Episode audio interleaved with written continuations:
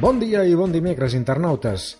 Encetem una nova jornada marcada per la segona convocatòria de vaga en menys d'un any contra les retallades i la reforma laboral. En un estat democràtic, el dret a la vaga hi ha de ser present. Ara bé, fa temps que els sindicats no acaben d'entendre que també cal respectar les persones que lliurement volen treballar. Seria injust fer una radiografia generalista, però encara hi ha un nucli important de sindicalistes que impedeixen i coaccionen aquest dret que tenim els que encara gaudim d'una feina.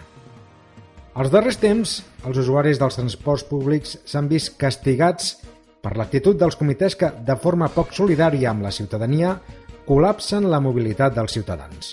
Un dia com el d'avui, en què també s'han tallat diversos accessos a les principals ciutats del nostre país, impedint la lliure circulació de persones i mercaderies. Som molts els que no ens agrada la reforma laboral i molt menys les retallades disfressades de reformes, però que caldria, i dic caldria en condicional, per veure si alguns sindicalistes això ho entenen, caldria reflexionar sobre com lluitar pacíficament contra aquestes mesures que sovint no venen del nostre país, sinó de Berlín via Brussel·les. També en l'àmbit econòmic a Madrid continuen dibuixant un panorama de brots verds que no acaben d'arrelar ni créixer. Però la maquinària propagandística de la Moncloa s'esmerça diàriament en difondre la idea que la situació comença a millorar en dades macroeconòmiques que deuen referir-se a les grans fortunes perquè, malgrat l'augment imparable de l'atur i les retallades constants sobre la classe mitjana, les classes altes no veuen mai l'ombra ni l'amenaça de la crisi. Avui tornem a parlar d'un dels amics de Catalunya, ara que el PP va difonent el missatge d'amor vers els catalans.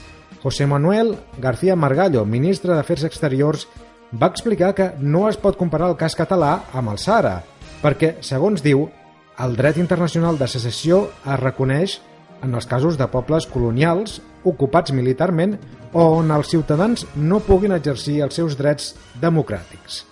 Fent ús d'aquest principi, em permeto recordar-li que a la consulta que defensen la majoria dels partits catalans seria plenament democràtica, però a la capital del reino no en volen ni sentir a parlar. No fos cas que diguéssim que sí i tinguéssim plena legitimitat per tenir un estat propi. No acabarem l'editorial sense fer-nos ressò de la perla pronunciada per la gran Esperanza Aguirre, que no pot evitar deixar de ser notícia.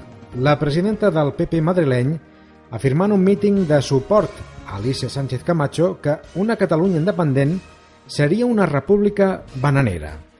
Potser que ens preguntéssim què seria Espanya sense Catalunya.